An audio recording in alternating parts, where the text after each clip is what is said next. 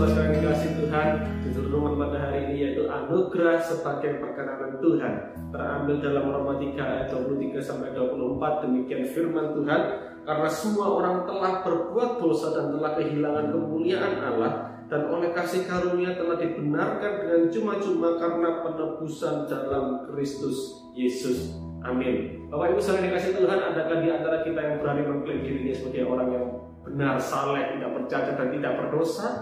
Firman Tuhan tadi telah menegaskan bahwa setiap orang telah berbuat dosa. Tetapi ada berita gembira untuk setiap kita.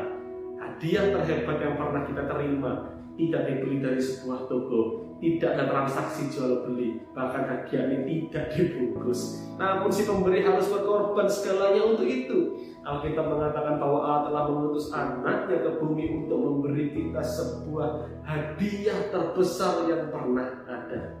Dia datang ke bumi untuk mendamaikan kita dengan Allah. Dalam ayat yang ke-24 sampai 25 tadi mengatakan, dan oleh dibenarkan dengan cuma-cuma karena penebusan dalam Kristus Yesus.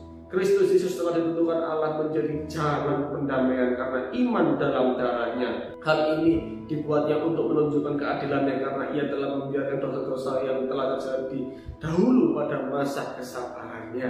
Amin.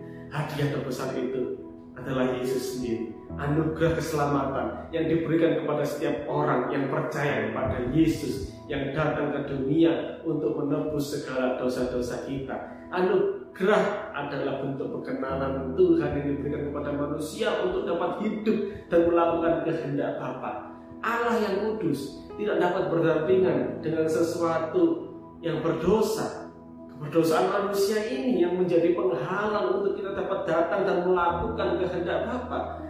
Bapa memberikan anaknya yang tunggal sebagai jalan agar manusia ini memperoleh perkenanan dan hidup dalam kehendak Tuhan.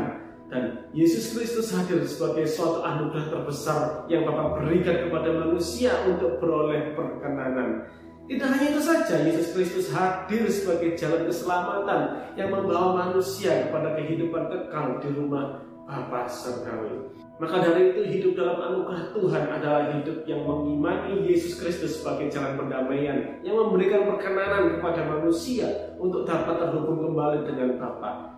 Ingatlah bahwa pembenaran, penebusan, pendamaian terjadi karena anugerah Allah kita dibenarkan karena iman kepada Yesus Kristus dan hidup dalam anugerah Allah mendorong setiap orang untuk tinggal di dalam Dia, berakar di dalam Dia, dan berbuah di dalam Dia.